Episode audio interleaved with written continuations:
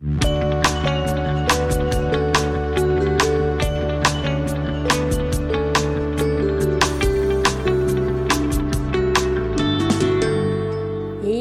velkommen til podkasten Leger om livet. Mitt navn er Anette Dragland, og jeg er utdanna lege.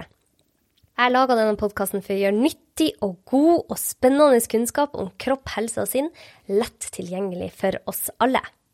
I dag har jeg en veldig spennende gjest med meg. Hun heter Helena Enger. Hun er lege og spesialist i gynekologi og obstetrikk. Hun har jobba ved flere gynekologiske avdelinger, både Ålesund, Oslo universitetssykehus, Ullevål og Bærum sykehus, før hun i 2005 starta ved Volvat medisinske senter Majorstua. Hun Helena hun er en av landets fremste eksperter på overgangsalder, og har skrevet boka 'Hetetokter og kalde fakta'. Og den har jeg nå lest, og har fått masse nyttig informasjon. Målet med boka er at du skal bli rusta til å ta gode valg for deg selv i overgangsalderen. Og som hun sier, vi må snakke om overgangsalderen. Alle opplever den, selv om den oppleves ulikt. Jo mer du vet, jo bedre vil du være til å håndtere situasjonen du kommer i. Det er godt sagt. Hjertelig velkommen til podkasten, Helena. Tusen takk. Så hyggelig at du hadde tid til å komme ut hit til Fornebu. Jeg vet du er ei travel dame, og du er veldig populær å gå til, for du er så behagelig og kunnskapsrik, har jeg hørt. Tusen takk, det var veldig pent sagt. Du har skrevet boka 'Hetetokter og kalde fakta'. Hvorfor er du så opptatt av overgangsalderen? Hva er det som eh, du syns er så spennende med det? Ja, overgangsalderen er jo da noen ting som halve befolkningen går igjennom, ikke sant? Alle kvinner skal for, for, før eller siden gå inn i overgangsalderen. Og da er det siden 2002 kommet så mye skremsler om overgangsalderen og behandling av den samme at jeg tenker at kvinner har muligheter å få hjelp i en kanskje litt vanskelig del av livet sitt, eh, men, men, vi blir skremt fra å ikke ta imot den hjelpen som fins. Og det er der jeg tenkte at her må vi faktisk gjøre noen ting for å informere på en riktig måte, sånn at kvinner da faktisk har et valg. Hvorfor er det så mye skremselspropaganda rundt overgangsalderen for kvinner? Det kom en studie i 2002, en kjempestor studie fra USA som het Women's Health Initiative, og vi har i ettertid lært veldig, veldig mye bra ting fra den studien, men problemet var at den ble feiltolket i starten. Okay. Og da gikk man ut, og så sa man at hormonterapi i forbindelse med overgangsaldersplager er farlig. At det kunne lage brystkreft og slag og blodpropp. Og det er jo skremmende informasjon. Og ja. det man faktisk kunne ha sett allerede i 2002, det var at om man så på de yngste kvinnene, så gjaldt ikke dette de yngste kvinnene. De hadde derimot veldig positiv effekt av hormonterapi gitt i forbindelse med overgangsalder. Fordi for denne yngste aldersgruppen, da friske kvinner under 60 år, eh, så har hormonterapi en helsefremmende effekt. Men det gikk liksom under da, i eh, budskapet om alle de som fikk behandlingen altfor sent. Ja. Og det er det vi har strevd med nå i 20 år, og det er det vi prøver å snu. Og det var et håp, da, eh, når jeg skrev bok, om å få lov å bringe denne nye kunnskapen til kvinnene i håp om å hjelpe kvinner som ikke har det noe godt i overgangsalderen. Mm. Og det er jeg veldig, veldig glad for, Helena. Fordi at det, det er altfor mange kvinner som lider unødvendig. Men før vi går dit, før vi skal snakke om dette, så har jeg veldig lyst til å høre med deg, hva, hva er egentlig overgangsalderen? For det er, litt, det er noe mystisk med det hele. Når begynner det, hva er det? Altså, hvorfor skjer det? Ja, altså I snitt så kan man si at overgangsalderen kommer en plass rundt 52 eller 53 års alder. Eh, og det som da skjer, det er at eggstokkene strever med å lage nok østrogen. Så litt forenklet så kan man si at overgangsalderen er en østrogenmangeltilstand. Ja, eggstokkene har da arbeidet og laget østrogen fra pubertet og frem til um, overgangsalder, og da har vi ligget høyt i østrogenverdier. Og så blir eggstokkene slitne da rundt 52-53 års alder og strever med å lage nok østrogen. Ja. Og det er det som gjør at vi blir plaget i overgangsalderen. Det man kan tenke, da, det er at vi er jo blitt flinkere og flinkere på å behandle sykdommer. og hjelpe folk til å få lange og forhåpentligvis gode liv. Og det er spørs om naturen har tenkt i utgangspunktet at vi skulle bli 85 år gamle, for det er ikke lenge siden. Da ble kvinner ikke så veldig mye eldre, kanskje enn 50. Og da tenkte nok naturen at da holder det å ha eggstokkfunksjon omtrent til man blir 50. Men i dag blir vi 85, og det betyr at vi skal leve kanskje i 30-35 år uten mm. østrogen. Og om jeg får lov å si min personlige mening, så mener jeg at det har kvinnekroppen ikke godt av. Østrogen beskytter oss mot masse sykdom og kreftformer, faktisk. Ok, men det er jo veldig forskjellig hvor plaga man blir. Altså, jeg hører om noen som bare hm, det var så vidt de merka det. Og noen som sliter altså så voldsomt at de ikke får sove om natta. De blir deprimert, de føler at de har endra personlighet. Det går sterkt utover livskvaliteten. Så det, det er store sprik her. Hvorfor er det sånn? Ja, det kan man eh, lure på, for, for, det er helt riktig at vi har før så har vi gått ut ifra at uh, kvinner en tredjedel sa man var veldig plaget, en tredjedel var middels plaget og en tredjedel ikke så veldig plaget. Men jeg tror det viktigste med dette her, det er jo kanskje å si at 90% eller nesten alle kvinner blir plaget i større eller mindre grad. Og da kan man jo tenke at om så mange er plaget, så hadde det vært lurt å hjelpe de etter beste evne. Ja. Og så er det dette at vi, det er en del symptomer vi merker ja, og det er Og nå må jeg bare ta frem jukselapp, for her er det alltid noen ting jeg glemmer. Ja. Så i all korthet, alle kvinner får ikke alt som jeg sier nå, men, men um, man kan få noen av disse plagene i overgangsalder. Det første man gjerne merker, det er at menstruasjonen begynner å rote. Og så er det hetetokter, det vet de fleste om, men i tillegg så kommer da søvnvansker, konsentrasjonsvansker, mindre energi, vektøkning, tørrhetsfølelse i skjeden leddsmerter, mindre lyst, hjertebank, bekymring og lett angst og nedstemthet, ja. for å nevne kanskje de, de, viktigste. Det vi da ikke snakker om når vi snakker om dette her, det er hva som skjer på innesiden av kroppen. Fordi når vi ikke lenger lager nok østrogen, så skjer det ting inne i kroppen vår, og det er Det merker vi ikke like godt på samme måte. Men vi pleier å si at når vi ikke lenger har den østrogenproduksjonen som vi har før overgangsalderen, så begynner kroppen å lage åreforkalkning, hjerte- og karsykdom og benskjørhet. Over tid, naturligvis. Ja. I tillegg så så, så lenge vi har østrogener, så har vi beskytt... Eller unnskyld, ikke østrogen, progesteron faktisk, den som kommer nå. Men så lenge vi har hormonene som blir laget i våre eggstokker, da, ja. som ikke lages lenger i overgangsalderen, så har vi også en beskyttelse mot tykktarmskreft og diabetes. Vi har beskyttelse mot leddplager, og faktisk mot både demens og alzheimer. Hm.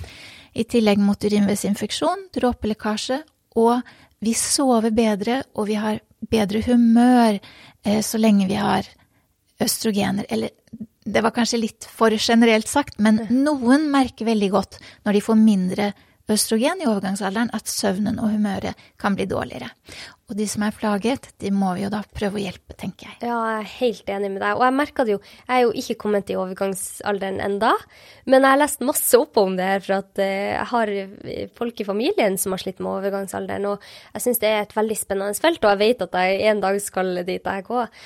Og det jeg syns er litt sånn fascinerende, er at selv om jeg ikke er i overgangsalderen, så merker jo jeg gjennom syklusen min på østrogennivået mitt hvordan jeg har det. Altså i starten av syklusen min, de første 14 tre, tre ukene, så merker jeg at når jeg har mer østrogen, så går ting lettere. Jeg sover bedre, mer energi, jeg føler meg mer tilfreds.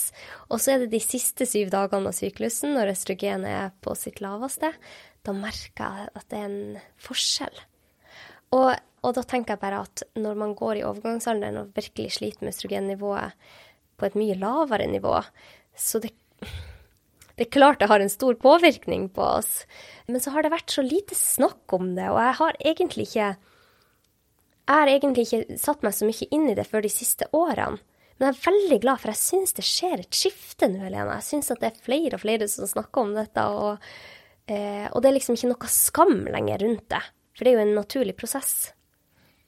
Ja, jeg håper at det er mange som tenker sånn som deg, fordi mitt håp er at vi blir den generasjonen som snakker høyt og tydelig om overgangsalderen, og akkurat uten skam. Fordi ja. dette er noe alle skal igjennom. Puberteten, den har vi på en måte taklet.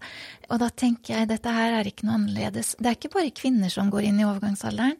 Menn har jo litt av det samme. De blir lavere i testosteron når de blir eldre også. Ja. Så jeg tenker at dette er noen ting som vi bare må prate om Eh, og ikke være flaue over. Dette her er en del av livet, og de som trenger hjelp, må få hjelp, og de som klarer seg uten, de er forhåpentligvis etter hvert godt nok informert til å ta gode valg. Ja.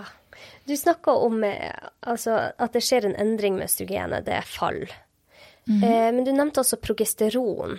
Kan du bare forklare kort hva, hva er progesteron, og hva, hva skjer med progesteron under overgangsalderen? Ja, om man tenker på hva naturen har tenkt, så har naturen tenkt at vi har sjansen én gang i måneden å bli gravide, og det er da ved eggløsningen. Da har vi sjansen å bli gravide. Og progesteron er da det hormonet som sammen med østrogen dannes i våre eggstokker, og som sørger for at en eventuell graviditet har en god og fin menstruasjonsslimhinne, å niste seg inn i, sånn at graviditeten blir godt mottatt av kroppen og kan vokse. Og om kroppen merker da, etter eggløsningen at ups, det ble ikke noe graviditet denne måneden, da slipper kroppen menstruasjonsslimhinnen. Mm. Og man kan tenke at det er progesteronet som er ansvarlig for å lage slimhinnen, og det er fallet i progesteron som gjør at vi blør ut menstruasjonsslimhinnen og da får en menstruasjon. Når vi er i overgangsalderen, eh, og kroppen ikke lager østrogen topp lenger, eller eggløsning, så får ikke eh, kroppen beskjed om å lage progesteron heller. Så vi er ikke bare lave i østrogen når vi går inn i overgangsalderen, vi er også lave i progesteron. Ja, ok. Men hvorfor er det sånn, for du, du sa at eh, overgangsalderen skjer rundt rett over 50 år, mm -hmm. sånn i snitt. Men hvorfor har, vi problemer med, hvorfor har kvinner problemer med å bli gravid etter ja, 42-43 år? Hva, hva, er grunnen til det, hvis overgangsalderen er så mye seinere? Ja. Om man ser på naturfolk, så ser man at akkurat som du sier, ca. ti år før vi går inn i overgangsalderen, så begynner kvinnekroppen å slite med å lage en graviditet. Og det som er forskjell mellom kvinner og menn, det er at kvinner vi er født med alle eggene våre. Så et, et, lite nyfødt barn har alle eggene som hun skal bruke resten av livet for å lage eggløsninger med, da, og som hun skal bli gravid med. Det er forskjell fra menn. Menn lager ny sæd hele tiden. Ja. Men vi har da eh, disse eggene som når vi blir 42-43 år gamle, har blitt, eh, så har eggene våre blitt akkurat like gamle, og da er kvaliteten på eggene dessverre ikke lenger like god som når vi er 24. Mm. Eh, og det er det som gjør at vi sliter litt at vi sliter med å bli gravide, jeg ville sagt etter 40 års alder. Da er det, holdt på å si, risikosport.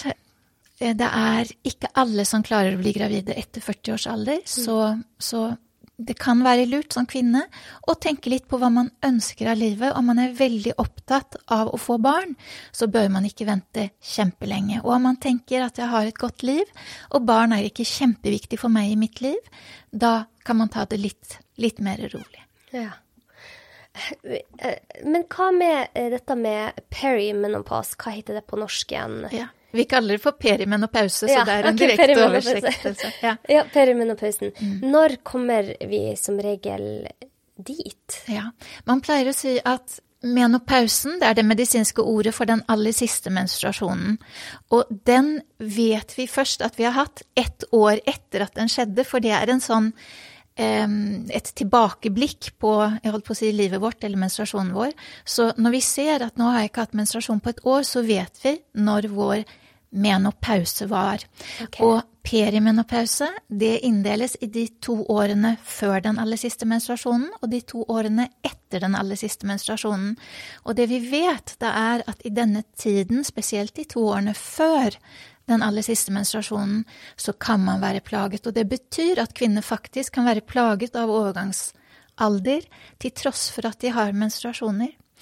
Når det er sagt, så må jeg si også at når det går om å få hjelp med, med plagene sine, så har vi jo litt forskjellig vi kan stille opp med. Det er ikke noen ting å hente på å starte med hormonterapi f.eks. før man blir plaget. Det pleier å bli krøll og blødningsforstyrrelser og litt sånn. Ja. Men i det øyeblikket en kvinne er plaget, så har vi mulighet til å hjelpe med hormonterapi, f.eks. Men kan jeg spørre deg, da, for jeg har jo flere venninner nå som er i, i, på det stadiet, da. De merker at menstruasjon er mer uregelmessig, går lengre tid mellom hver menstruasjon. For det første, er det vanlig? Er det et vanlig tegn? Det er et vanlig tegn. Absolutt. Ja. Hvordan, hvordan andre vanlige tegn er det på at man er i perimenopausen? Ja, det var de som jeg listet opp i stad, Ja. som jeg leste inntil, for Ja. at jeg alltid glemmer noe. Så det er dette med litt mer bekymring, angst, hetetokter, menstruasjonsrot, leddsmerter, hjertebank, dårlig søvn, kanskje litt mer dårlig humør. Nå kan man jo få dårlig Noen av disse er veldig generelle. Man kan få dårlig humør og dårlig søvn av andre ting enn lave østrogenverdier. Men, men man har sett at om man ser på kvinner og spør spesifisk, så er dette til dels overgangsaldersrelaterte problemstillinger, da. Plager som kvinner kan få. Ja, nettopp. Eh, og jeg syns det er det, jeg, jeg hører så mange kvinner som sier jeg visste ikke at jeg var i overgangsalderen før lenge etterpå. Det tok lang tid for meg å skjønne at jeg var kommet dit, for at alle disse plagene føltes ut som det var andre årsaker, stress på jobb eller barn i tenåringsalder som ga mye uro.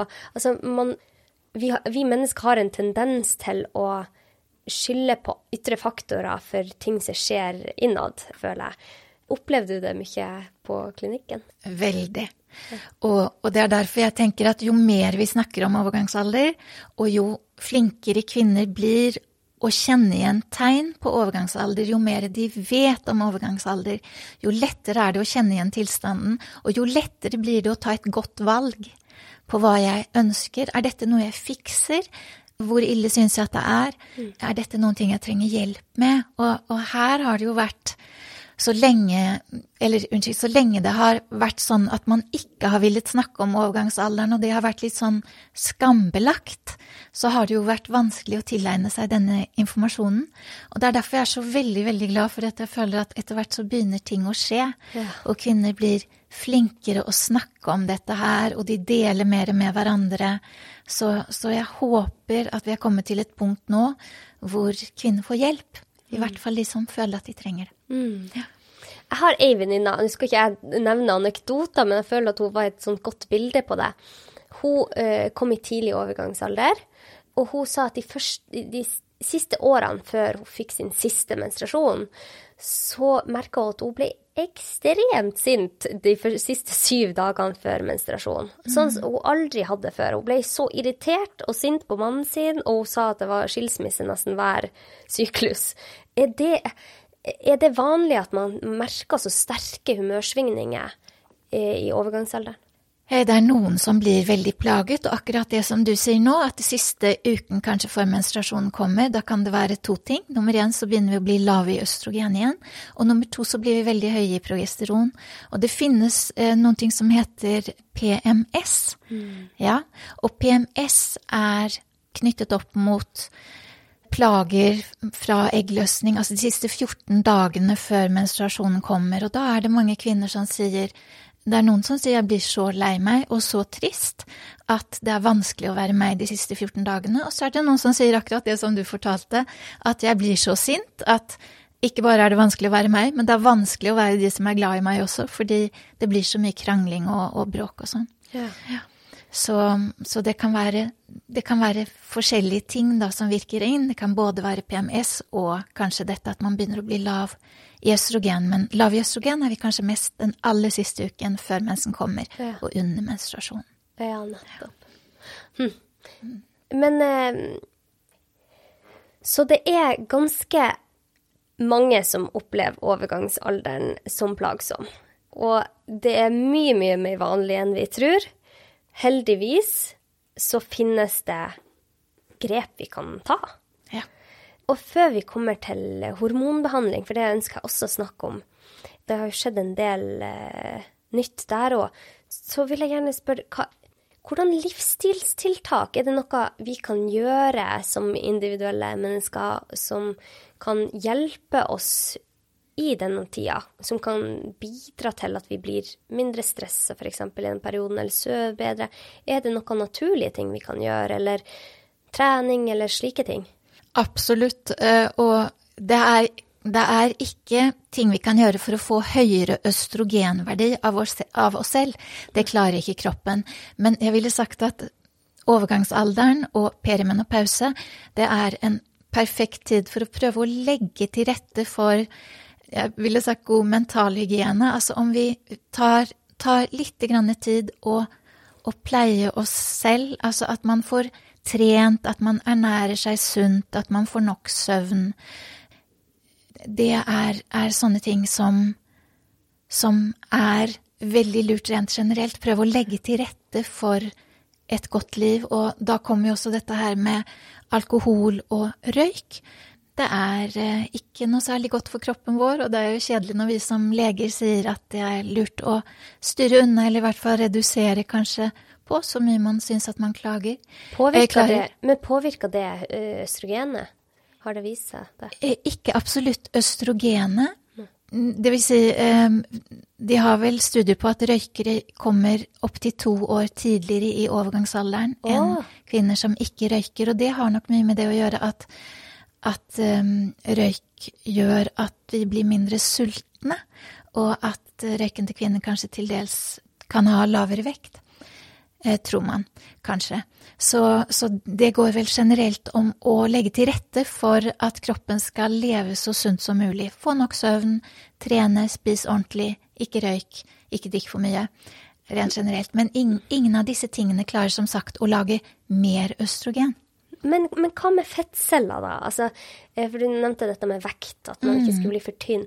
Vi vet jo at fettceller produserer østrogen. Har det noe for seg at, skal, at man skal ha litt flere fettceller, eller litt større fettceller i overgangsalderen? Man trodde at kvinner som var kraftigere, hadde mindre overgangsaldersplager, men det har studier ikke kunnet vise. Okay. Så det er en sånn gammel lærdom ah. um, som, som, man tenkte at uh, at sånn var det kanskje, men man har ikke kunnet vise det med studier. Okay. Egentlig, så Men hvordan med Altså, jeg har jo lest en del om at mindfulness og meditasjon, f.eks., eller andre stressmestringsteknikker fungerer. Og jeg syns det er veldig fascinerende å se på jeg har lest en del opp om de blå sonene i verden, der kvinner og menn lever veldig lenge. Og det viser jo at de har en del mindre overgangsplager enn vi andre i Vesten. Altså, jeg, jeg lurer på hvorfor, og er det for at de har mindre stress? Altså, hva tror du her? Ja, jeg så også på, på dette med blå soner og ble veldig fascinert. Og akkurat overgangsaldersplager, det er nok litt knyttet opp mot ja, hvor vi lever i verden og, og hva man legger vekt på. De sier at asiatiske kvinner føler mer kanskje leddsmerter og, og smerter i kroppen og vestlige kvinner opplever jeg i hvert fall kanskje mer plaget av hetetokter. Så, så det, er litt, det, er litt, forskjellig. Ja, OK. Det, det, er interessant, da. Hvordan det spiller inn. Men, men hva, hva, vet du om noen studier som viser at f.eks. noe kan hjelpe på hetetokter på natta? For det er jo veldig vanlig, en veldig vanlig problemstilling. Mm. Eh, det finnes jo urinnvånerne i USA de brukte noen ting som heter black cohosh. Og det er et naturpreparat som heter um, simifuga racemosa, og der er det gjort studier i, i Kina, faktisk, som viser at det er et preparat som faktisk hjelper på hetetokter.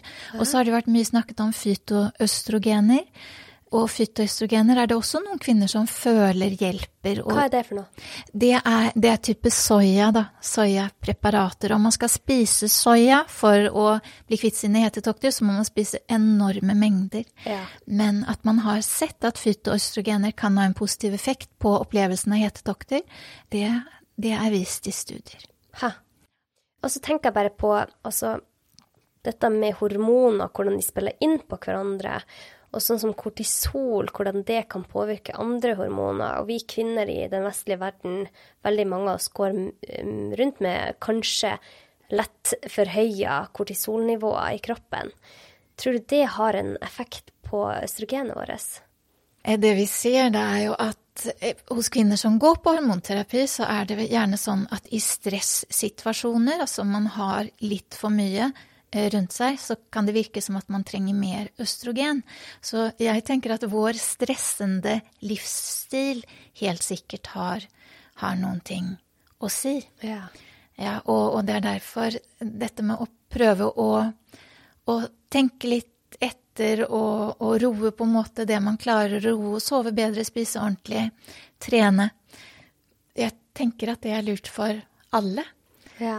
Mm. Ja, jeg har stor tro på det. Jeg har jo hatt søvnkurs, og da hadde jeg mange på det kurset som var i overgangsalderen. Og for det første så anbefaler jeg jo de å gå til gynekolog og få undersøkt det, og kanskje få behandling. Men det jeg også anbefaler de, er dette med stressmestring, for det har så mye å si for hvordan de sover. Altså eh, kanskje i større grad enn hos mange andre grupper.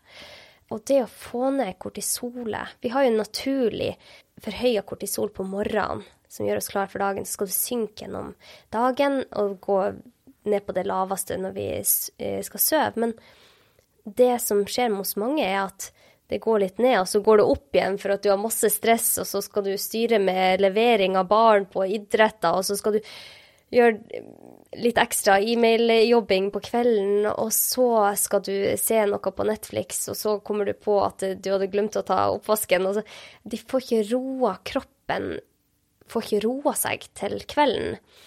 Og det er jo et fenomen som er veldig nytt. For vi hadde jo ikke muligheten til å styre på hele kvelden. Så det å bare ha litt fokus på det der, det har jeg så trua på. Og hvordan alle hormonene våre er så finjustert. Det, jeg syns det er kjempespennende selv. Og jeg var jo en stor stressklump eh, nesten hele livet mitt. Jeg har vært veldig stressa og vært veldig opptatt av å få til ting og gjøre ting. Eh, men etter at jeg selv begynte å ha fokus på stressmestring og pusten min, så ser jeg hvor vanvittig effekt det har på meg selv. Så jeg, jeg kan ikke få sagt det nok, jeg har sagt det mange ganger i denne podkasten, men det å finne noen grep som gjør at akkurat du får lavere stresshormoner, det har så mye å si for livet. Og jeg tror det vil ha mye å si også for kvinner i overgangsalderen. Jeg tenker at det høres veldig riktig ut. Og det er som du sier, at stressmestring det gjør noen ting med hvordan vi oppfatter overgangsalderen. Det, det, klarer som sagt ikke å lage mer østrogen, men hvordan vi syns at vi har det med våre plager.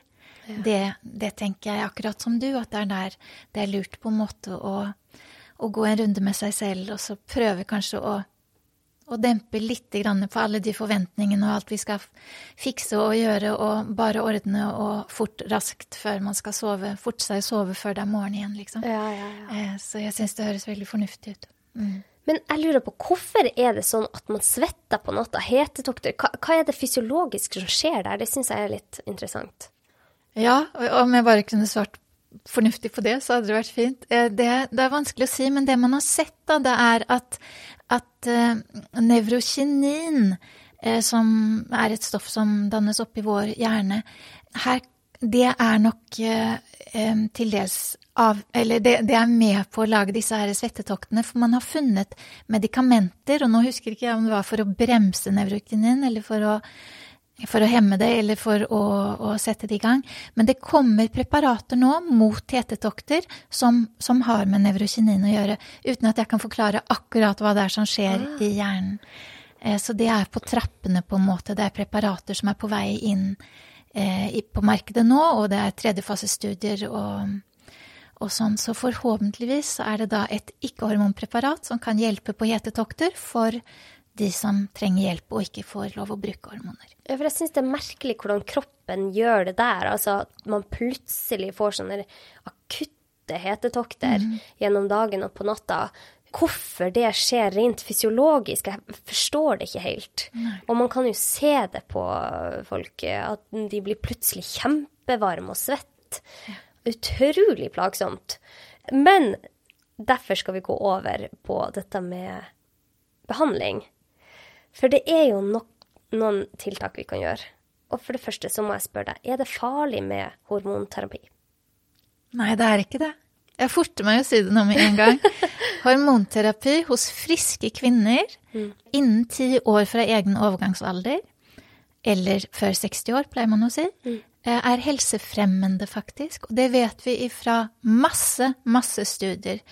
Eh, så det er her vi er hjernevasket med dårlig og misforstått informasjon fra 2002. Mm. Og nå er det på tide, tenker jeg, at kvinner får riktig informasjon, sånn at de slipper å være redde for å få hjelp mot plagene sine. Men hvordan hormonterapi er det man gir, da? Ja, altså overgangsalderen er jo da en østrogenmangeltilstand. Så hormonterapi, da gir man østrogener for å bøte på, for å hjelpe på denne østrogenmangeltilstanden. Og så må vi gi eh, progesteron, eller gestagener kalles overbegrepet, Eh, det er da det hormonet som passer på livmorslimhinnen hos alle kvinner som har en livmor. Og det er jo de færreste av oss som har fått fjernet sin livmor. Ja. Eh, så de aller fleste kvinner trenger da østrogen og et gestagen. Og gestagenformen, som er snillest mot kvinnekroppen, det er da det som kalles for bioidentiske hormoner. Det er progesteron eller dydrogesteronpreparatene, de ikke-syntetiske hormonpreparatene. Hva er forskjellen på syntetiske og ikke-syntetiske? Du kalte det bioidentiske. Hva er forskjellen på de? Bioidentiske hormoner er hormoner som er helt like de hormonene som vi lager i våre eggstokker. Og progesteron og østrogen er hormoner som vi lager i eggstokkene våre. Så nevnte jeg også nå dydrogesteron. Det kalles for et retroprogesteron, og anses også å være helt bioidentisk, eller bodyidentisk. da lages de på forskjellig vis? Altså, hvorfor skulle man gi syntetiske når man kan gi bioidentiske? Hva er, hva er grunnen til det? De syntetiske er de vi har hatt tidligere, på en måte, for at man ikke har klart å lage bioidentisk progesteron, da, eller dydrogesteron. Så de syntetiske preparatene, det var de vi hadde for lenge siden. Det var de man klarte å lage, og nå har man da eh, lært å lage bioidentiske hormoner. Så som, de fleste kvinner står på bioidentiske i dag, eller? Nei, jeg ville sagt kanskje andre veien. Ja, så, så de som er informert og vet at de bør be om bioidentiske hormoner, de får det. det vi har mulighet til å skrive det.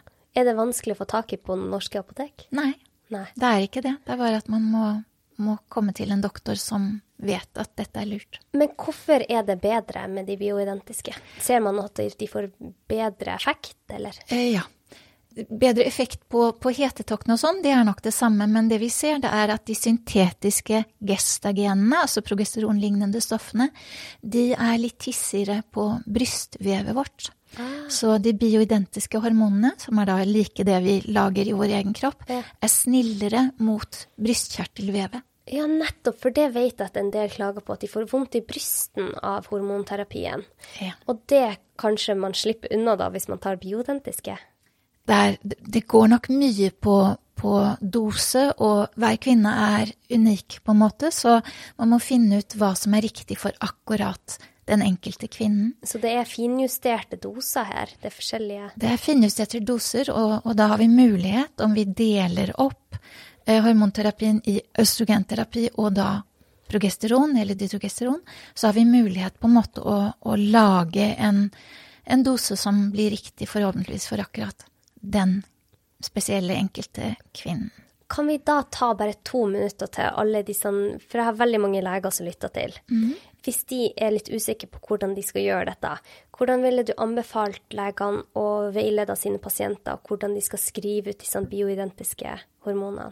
Ja, jeg kan fortelle hva jeg gjør selv. Jeg pleier å skrive ut et rent østrogenpreparat, ja. for da har jeg mulighet å velge eh, bioidentiske progesteronlignende preparater, som da er dydrogesteron eller mikronisert progesteron.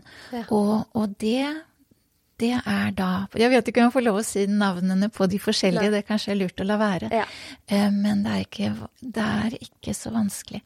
Jeg har skrevet det i boken om noen har lyst å, å, lese der. Ja. Og, og, østrogen, der må jeg kanskje si også at jeg pleier personlig å gi østrogen gjennom huden. Eh, altså det som heter transdermal da, på legespråk. Eh, og det kan man gi som spray, eller som plaster, eller som gelé. Og om man gir østrogen gjennom huden, så kan man nummer én gi en dose som er omtrent 50 ganger lavere enn den dosen som man gir i tablettform. Oi. Og nummer to så vil østrogen gitt gjennom huden ikke lage blodpropprisiko. Ah, Ja. Og i tillegg så påvirker østrogen gitt gjennom huden heller ikke blodtrykket. Det gjør det i tablettform. Østrogen i tablettform gir blodpropprisiko og um, må gis i en, en større dose og påvirker blodtrykket. ok, dette var veldig interessant. Men så eh, østrogen finnes både i syntetisk og bioidentisk, de òg, eller er det kun progesteronet? Det er progesteronet som finnes i syntetisk form, og det østrogenet som man bruker i overgangsalderen, heter, heter østradiol, og det er det østrogenet som, som vi lager i våre egne eggstokker, og også det som farmaindustrien da klarer å fremstille. Så det er bioidentisk.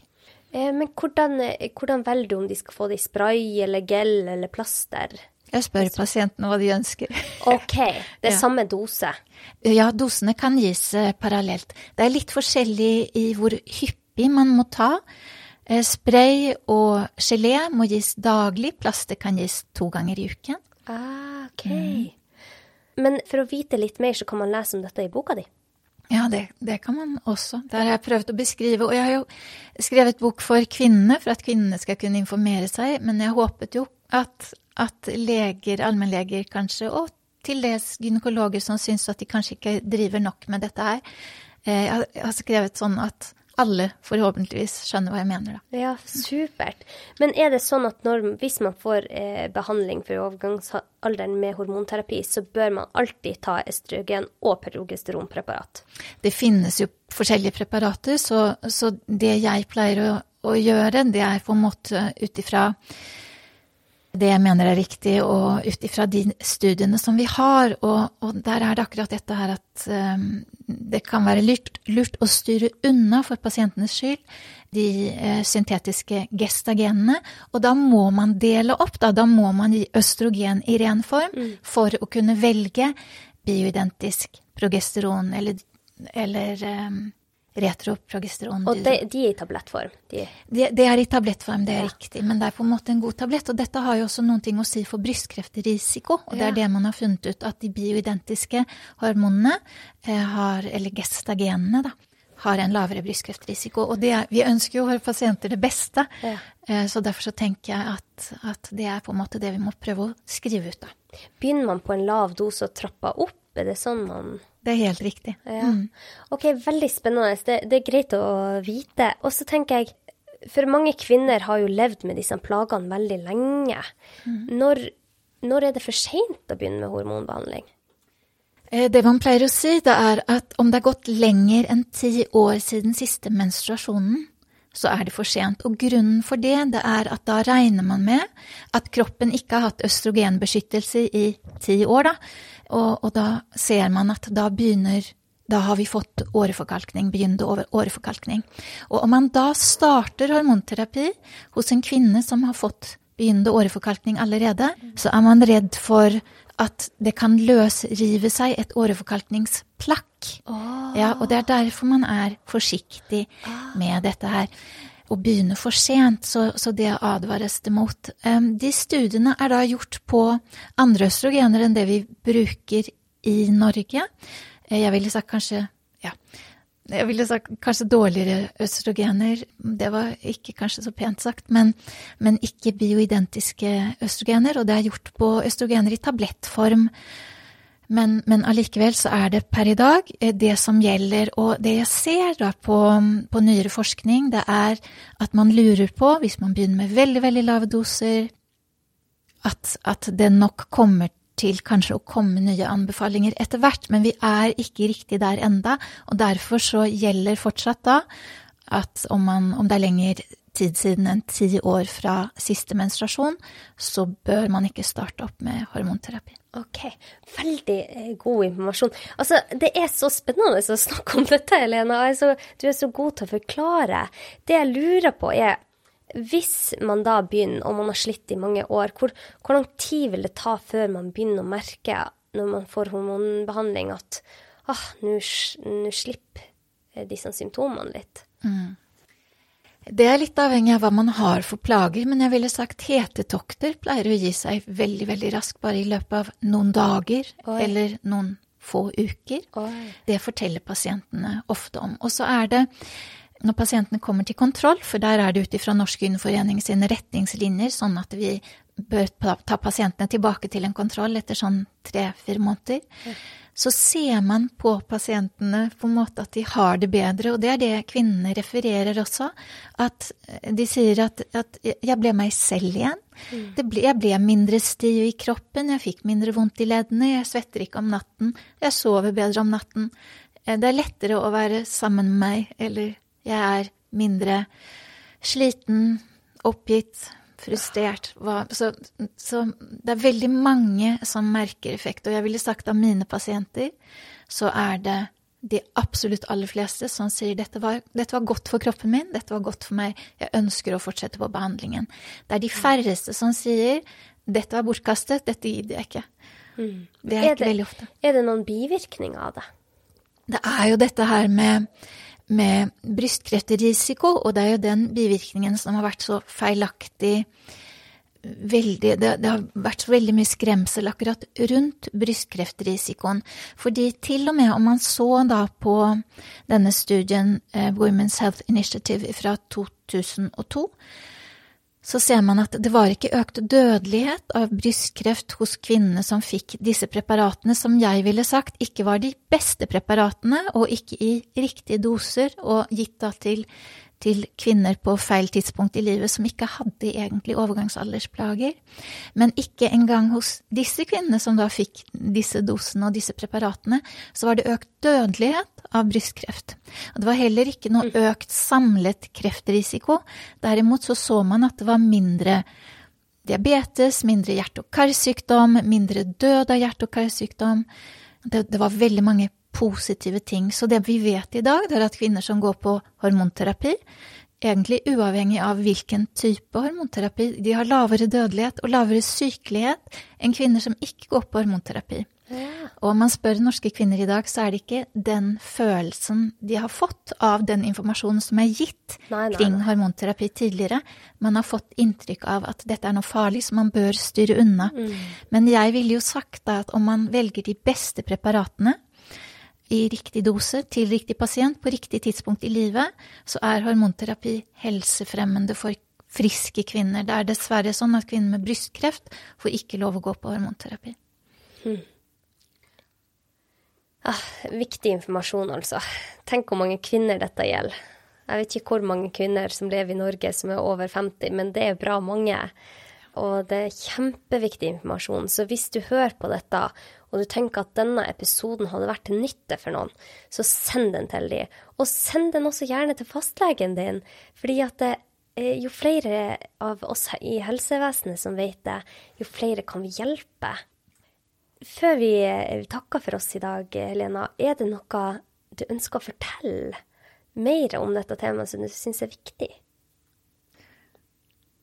Ja, ja det, kan, det, kan, du si. Jeg kan jo snakke lenge om overgangsalder, og jeg kan snakke lenge om hormonterapi, men, men jeg har bare et sterkt ønske om at, at, kvinner får hjelp, da. At de som er plaget, får hjelp, at de vet hvor de finner informasjonen. Og så pleier jeg å si til mine pasienter at om du nå har begynt på hormonterapi og føler at dette var bra for deg, så spre det glade budskap, fortell det for alle du er glad i. Ja. Akkurat som du sa, eh, at om det hjelper deg, så er det mulig at det hjelper noen av de du er glad i også. Så jeg tenker at, at vi har et formidlingsbehov, og jeg tenker at om vi får kvinnene med på laget, og kvinner snakker mm. og forteller og forteller om, om, gode erfaringer, så kanskje vi får dreisen på dette her etter hvert. Mm. Det, kunnskap er den beste medisinen. Yes. Har man kunnskapen, så får man gjort, gjort, det som er til best for oss. Så tusen hjertelig takk for at du ble med, Lena. Jeg bruker å spørre et siste spørsmål til mine gjester. Og det er hvis du måtte forlate denne planeten i dag, men så fikk du lov til å fortelle én ting eller tre ting til alle mennesker på denne jord. Noe råd eller sitat eller noe du har lyst til å gi. Hva ville det vært? ja, altså med tanke på at jeg er som gynekolog i dag, så måtte jo det vært jenter, damer, kvinner, søstre. Hormonterapi er ikke farlig. Ikke ha en vond overgangsalder fordi at dere er redde for hormonterapi. Dette er helsefremmende, og jeg syns det fortjener kvinner. Mm. De som trenger det. De, de som er plaget. Så, så det måtte vel være i så fall ikke være bekymret for dette her. Dette fikser vi. Tusen takk, Helena, og tusen takk for den viktige jobben og kunnskapsformidlinga du gjør. Det er så viktig at vi har deg her i Norges land. Tusen hjertelig takk for at jeg fikk lov å komme. Og hvis du syns dette var spennende, send den videre. Vi trenger å få ut denne kunnskapen. Og hvis dere har noen spørsmål, så kan dere skrive under på Instagram eller Facebook der jeg posta om episoden. Og eh, ja, takk til alle dere som abonnerer og gjør det mulig for meg å drive denne podkasten. Og med det så ønsker vi dere en kjempefin dag. Ha det godt.